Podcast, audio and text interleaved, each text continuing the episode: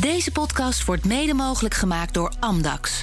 Het handelshuis voor de serieuze cryptobelegger. Welkom in de Cryptocast. Met vandaag Meta, het bedrijf achter Facebook, probeert na twee mislukte projecten opnieuw een eigen munt op te zetten. En Bitcoin-bedrijf Strike koppelt het supersnelle Lightning-netwerk aan honderdduizenden winkels en webshops in de Verenigde Staten. Bitcoin als betaalmiddel wint veld. Dit is Cryptocast nummer 215 met een klein half uur crypto-nieuws hier op de radio bij BNR. Daarna gaan we door als podcast over de grote Bitcoin 2022-beurs met Iemand die daar geweest is. Onze gast Bart Mol. Hallo. Hey, Herbert, leuk, dat je, te zijn. Ja. leuk dat je weer eens hier bent. Podcast-host van Satoshi Radio. Uh, ook verbonden aan Bitcoin Alpha trouwens, de nieuwsbrief. En mijn co-host is vandaag Paul Buitink, Managing Director bij Holland Gold. Hoi. Hoi Herbert. Fijn dat je er bent. Wij geven geen beleggingsadvies. Vorm je eigen mening, maak je eigen keuzes en geef ons niet de schuld. Crypto kan lucratief zijn, maar is ook riskant. Nou, om te beginnen maar eens eventjes uh, iets van die Bitcoin-conferentie, Bart. Uh, Strike, het bedrijf van Jack Mallers, maakte vorig jaar groot nieuws met El Salvador... Uh, dat hij had geholpen aan Bitcoin als wettig betaalmiddel. Um, hij integreert nu het Lightning-netwerk bij betalingsbedrijf NCR en de ruim anderhalf miljoen webwinkels van Shopify. En dat was dus een van de opvallendste nieuwtjes van die Bitcoin 2022 uh, in Miami. Hoe is uh, dat bij jou aangekomen? Is dat groot nieuws inderdaad? Um, ja, dat, daar zijn de meningen een beetje over verdeeld. Uh, dat kwam vooral door Jack Mallers zelf, uh, die van tevoren uh, allemaal filmpjes tweeten. oude reclames van, van Apple waren dat. Dus ja, dan, dan is de connectie in de Bitcoin-wereld natuurlijk al snel gemaakt. Hè. Zou Apple Wallet ook Lightning-betalingen gaan ondersteunen? Dus daar kwamen die geruchten vandaan. Ja. ja. Um, maar dat werd het niet uiteindelijk. Uh, hij, hij, noemde het zelf de, de, de King's Gambit volgens mij. Hij maakt altijd schaakreferenties. Hij had een hele leuke, ja, wel Apple-achtige presentatie uh, erbij gemaakt. Een van de weinige echt goede voorbereide presentaties op een beurs die verder vooral bestond uit paneldiscussies. Um, ja, en en daar deed hij die, die aankondiging inderdaad. En dat paste heel goed in, in het grotere beeld van uh, ja, eigenlijk toch wel de omarming van, van het Lightning-netwerk. Um, dat is denk ik een van de grootste observaties van deze beurs. Naast dat het heel veel ging over mining, wat ook echt een, echt een professionele industrie begint te worden, die bijna losstaat van Bitcoin. Hoe raar dat ook klinkt, daar zullen we straks nog wel eventjes uh, ja. op, op, uh, op terugkomen. En de omar omarming van Lightning. En dus ook de eigenlijk de derde uh, observatie van mij, uh, standaardisatie. En uh, dat, dat is eigenlijk Bitcoin breed. Dus dat geldt ook voor Lightning. En Wat daar voor is, standaardisatie dan? Leg eens uit. Nou, dus dat Lightning onderdeel gaat worden van een point-of-sale okay. software en Lightning hardware. als standaard in dat geval. Um, nou. Ja, ook als standaard. Maar dus ook dat. Um, kijk, in El Salvador hadden we nog dat bijvoorbeeld de McDonald's het zelf integreerde in hun uh, kassasysteem. En dan had je Starbucks die deed het op hun manier. En de ander deed dat weer op hun manier. En sommigen gebruiken Bitcoin Beach Wallet. En de ander gebruikt een BTCP-server. Die doen dat zelf. En doordat dus met dat NCR. Want NCR is eigenlijk de grootste leverancier van point-of-sale terminals ter wereld. Oké. Okay. Wat we in Nederland gewoon ja, kassasystemen noemen, hè, om het even, even simpel te houden. Ja, als je het daarin integreert als optie en uh, winkeliers kunnen dat gewoon aanklikken, ja, dan geef je. Dan, ja, dan pak, je het, uh, dan pak je het bij de kern aan. Dan kan iedereen in één keer gebruik maken van, van Lightning als ze dat willen.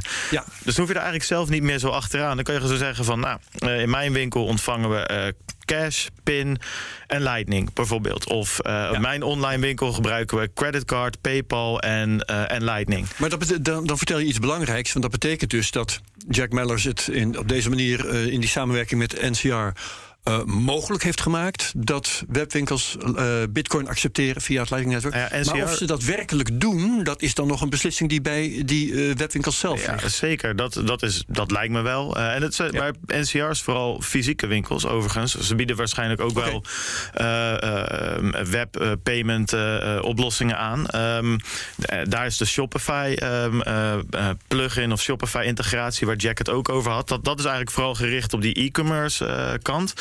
En uh, dit verhaal met NCR is vooral ja, fysieke point-of-sale terminals, fysieke kassa's. Als jij in een restaurant bent, of als jij in de Albert Heijn bent of iets dergelijks, dat je dus daadwerkelijk bij je zelfscankassa een QR-code uh, kan zien en met Lightning uh, af kan rekenen. Ja, ja, ja.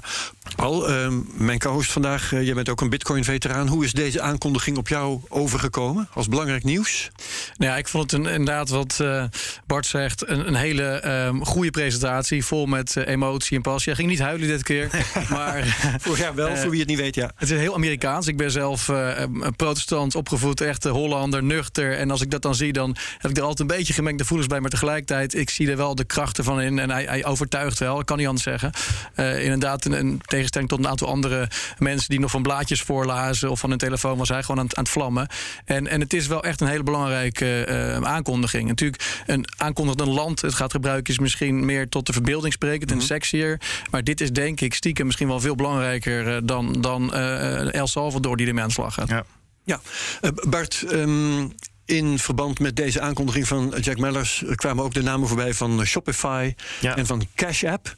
Kun je uh, uitleggen wat de rol van die twee is in het geheel? Ja, hij had eigenlijk drie aankondigingen. Dus hij had Shopify, uh, NCR en Black Hawk. En um, uh, Shopify, nou, dat is, dat is gewoon ja, een, eigenlijk de hoe noem je dat? Webshop. Um, ja, eigenlijk de manier om je eigen webshop op te richten. Um, dus ja. kun je heel makkelijk op je, op je WordPress-website uh, producten gaan verkopen.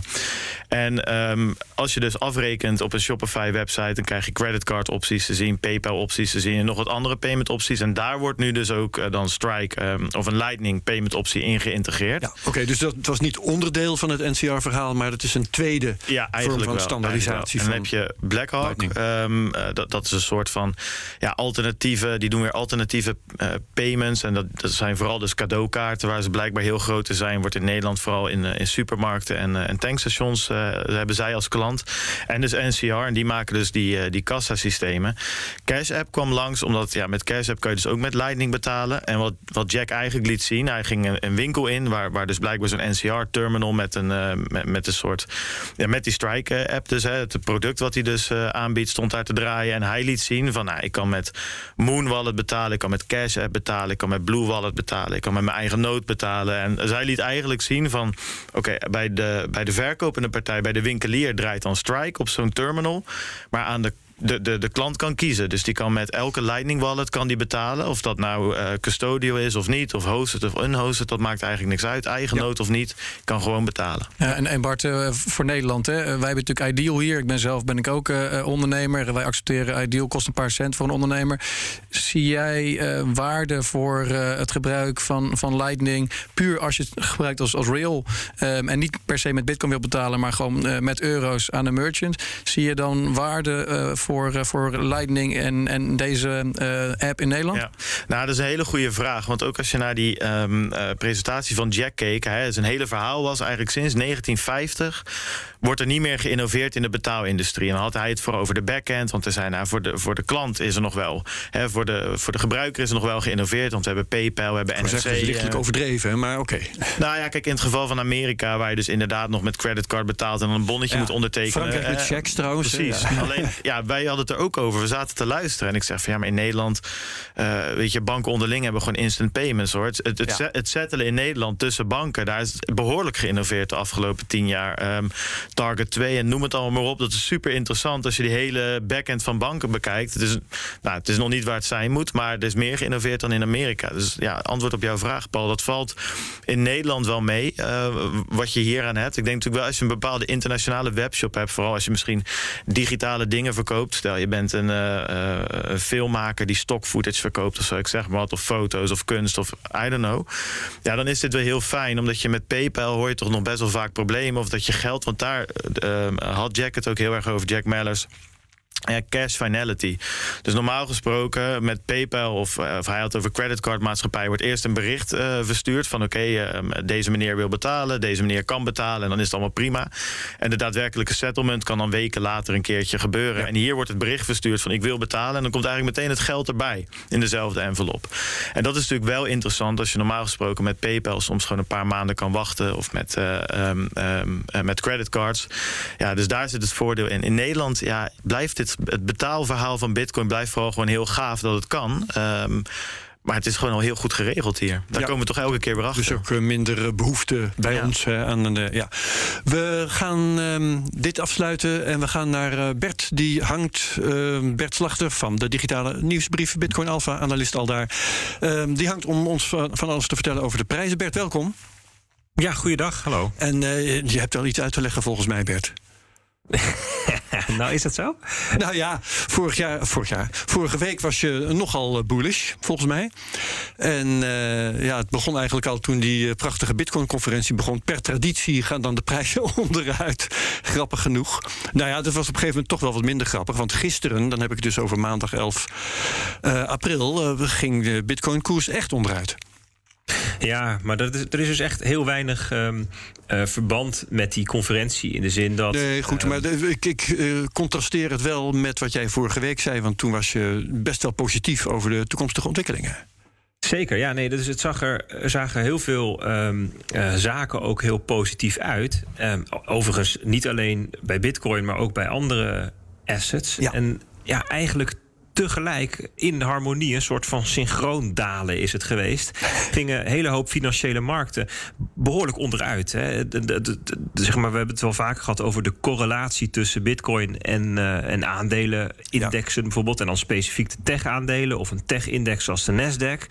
Ja, dat is de afgelopen tien dagen is dat echt uh, heel uh, uh, nauw dat ze samen be bewogen hebben. En dat, dat werd eigenlijk um, in gang gebracht vorige week door, of versneld zou je kunnen zeggen, door de notulen van de FOMC. Dat is de Open Market Committee van de Federal Reserve, de Amerikaanse centrale bank. Die um, de notulen bekend maakte van de vorige vergadering. Hè, en daar, daar, daar stonden dan wat meer details in over wat ze achter de schermen besproken hebben. En daar blijkt toch uit dat men. Um, ja, de sneller wil verhogen die rente dan dat de markt had verwacht. Mhm. Mm -hmm. En in het bijzonder dat het ook dat ze dat ook gaan doen als dat ten koste gaat van de financiële markten. Er waren zelfs gouverneurs die vorige week in interviews zeiden van ja, misschien zou het zelfs wel goed zijn als die financiële markten flink dalen. En dat noemen ze dan um, uh, uh, reverse wealth. Ja, dat hoef je de financiële markten geen twee keer te zeggen, hè? Ja, ze zeiden eigenlijk van ja, het zou, wel, het zou voor, de, voor het bestrijden van inflatie helemaal niet verkeerd zijn als mensen een beetje armer worden. Want dan hebben ze misschien minder te besteden. Ja, dat, dat, is, dat is natuurlijk voor financiële markten was dat wel een. Nou ja, weet je, die, die, die, die, die zijn nooit zo blij met onzekerheid. Hè. Dus ja. we hadden eigenlijk vorige, vorige uh, maand hadden ze de conclusie getrokken van nou, weet je, we kunnen er wel op rekenen dat het op deze en deze manier gaat. En nu is er ineens toch de mogelijkheid dat het dan toch wat agressiever gaat. Nou ja, dat zorgt dan dus meteen voor een stukje daling. Van Vandaag uh, worden de inflatiecijfers bekendgemaakt in de Verenigde Staten. Uh -huh. Verwacht wordt 8,5 procent. Nou, er zijn ook al mensen die verwachten boven de 10 procent. Er is ook al een toespraak van Biden hierover gepland vanavond Nederlandse tijd. Oh.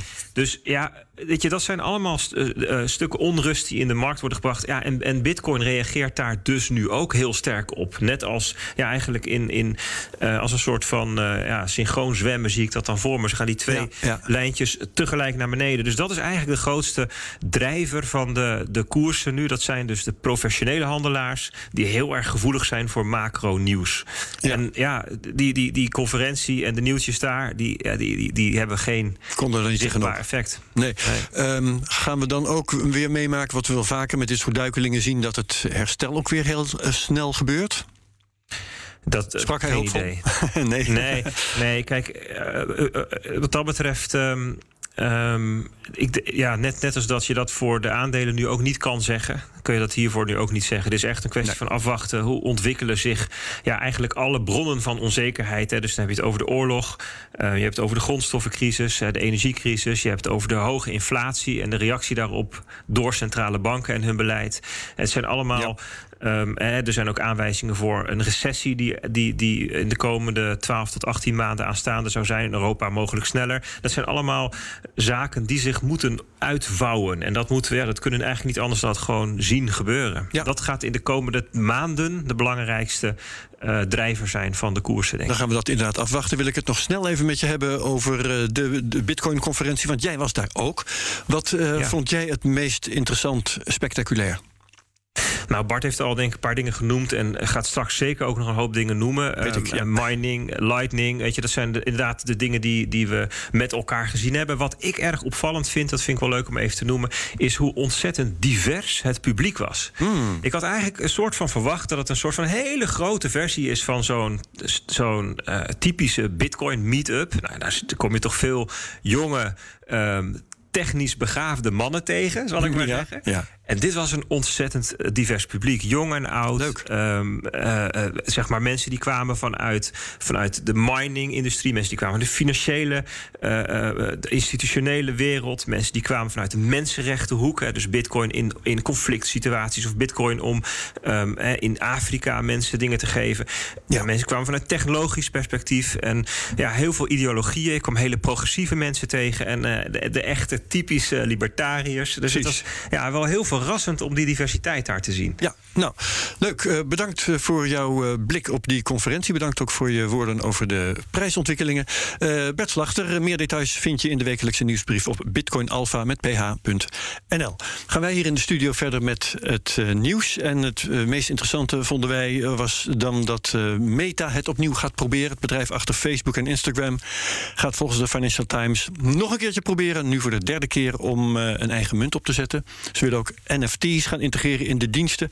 Ja, Paul, ehm, Paul Buitink, eh, wat weet jij van die plannen van Meta? Wat kun je daarover vertellen? Ja, Meta is natuurlijk het moederbedrijf van eh, Facebook en Instagram. En, en heeft een, een hele lange historie als het gaat om het, eh, ehm, het bedenken van, eh, van initiatief op dit gebied. In Ik vond zelfs 2009. Facebook... Ja, Ja, je in gaat het 2009 vertellen, had je ja. Facebook Credits inderdaad. Daar zijn ze na een paar jaar mee, mee gestopt. En want ze zagen toen de, de, het, het succes en de populariteit van, van, van eigen munten in Farmview en dat soort spelletjes. Maar daar waren ze mee gestopt in Dat is 2017. een soort di- digitaal biermuntje, zal ik Ja, maar even zeggen. exact. En, en in 2017 zijn ze gaan kijken naar blockchain, hebben ze mensen aangenomen daarvoor.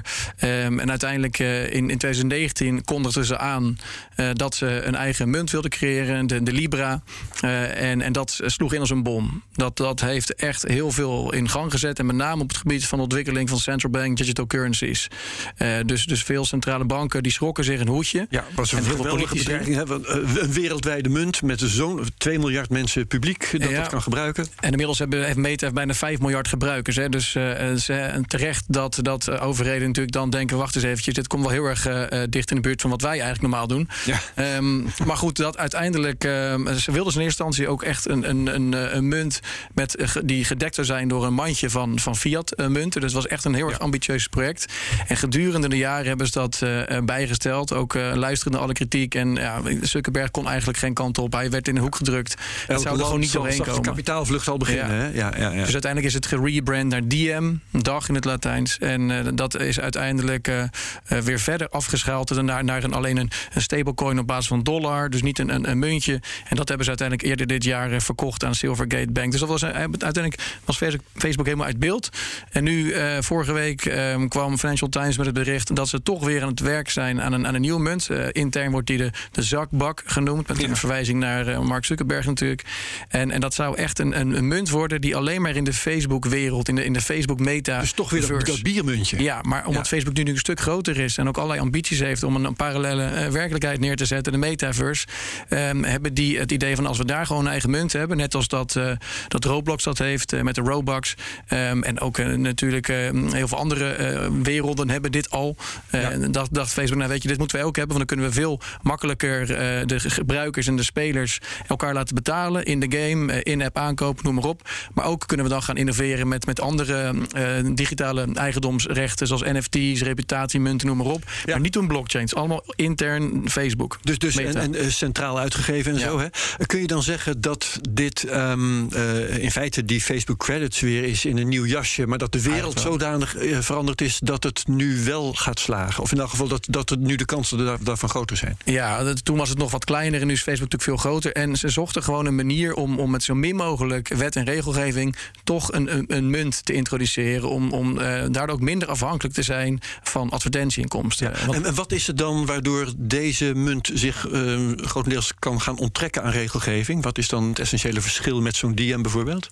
Nou, omdat, je, omdat er geen interactie is uh, buiten de, de metawereld. Dus het is gewoon. Okay, je een, koopt het een, bij ja. Facebook en je kunt het alleen ja. gebruiken bij Facebook. Het is net als, als een Starbucks te goed of wat, wat dan ook. Ja, dus het is niet zo dat een, groenteboer die kan gaan accepteren zoals de groenteboer misschien de DM of de Libra wel nee, had kunnen accepteren. Exact. Ah, kijk, oké, goed. Ehm, ja, wat denkt Facebook hier eh, verder mee te winnen? Waarom is het voor hun belangrijk? Nou, vooral willen ze de afhankelijkheid van advertentieinkomsten verminderen. Ze zijn natuurlijk heel erg afhankelijk van advertenties. En eh, door dit te introduceren eh, kunnen ze iedere keer een stukje afromen van, van interne aankopen in die, in die wereld. Ehm, ze kunnen daardoor allerlei andere businessmodellen gaan introduceren. En op die manier worden ze naar, naar verwachting sterker ehm, en, en minder, minder afhankelijk. Ja, oké. Dan gaan we nog even vooruitkijken, want we gaan uh, over een paar minuten uh, verder als podcast. Uh, sommige radioluisteraars zullen meegaan, anderen niet. Bart Mol, um, kun jij nog eventjes vertellen wat de aspecten zijn van die Bitcoin-conferentie waar jij bent geweest, waar we het dan zo direct over gaan hebben? Wat zijn de belangrijkste? Waarom is die conferentie cruciaal geweest? Um, nou, ik weet, weet, niet of die zo cruciaal is geweest. Dan gaan we hebben maar... waarom die niet cruciaal is geweest en waarom dat zo opvallend is. Uh, ja, ik, denk, ik denk Lightning, uh, mining, die standaardisatie waar ik het over had. En ik denk dat het leuk is om gewoon even te hebben over de sfeer op zo'n beurs. En misschien ook met Paul erover te hebben. En te vergelijken met vroeger. Uh, vroeger, ja. hoe, het toen, hoe het toen was op zo'n Bitcoin. Ja, precies. Dan kijk ik ook weer even naar Paul. Want jij was, als ik me goed heb laten informeren, in 2014. Dat was volgens mij de eerste Bitcoin-conferentie daar in Miami. Was jij daar al? Ja, ik jij... zag, zag net wat, wat schrikbarende filmpjes van mij terug. Dat ik ook toen in een of andere panel zat en zo, waar ik last minute bijgetrokken werd. Dus daar kan ik wat mooie dingen over vertellen. Maar ik denk dat het, uh, het zag er een stuk professioneler uit, in ieder geval dan acht jaar geleden. Maar ja, toen werd Ethereum aangekondigd hè, door, uh, door Vitalik. Dus laten we dat ook zeker. In 2014 al. Ja.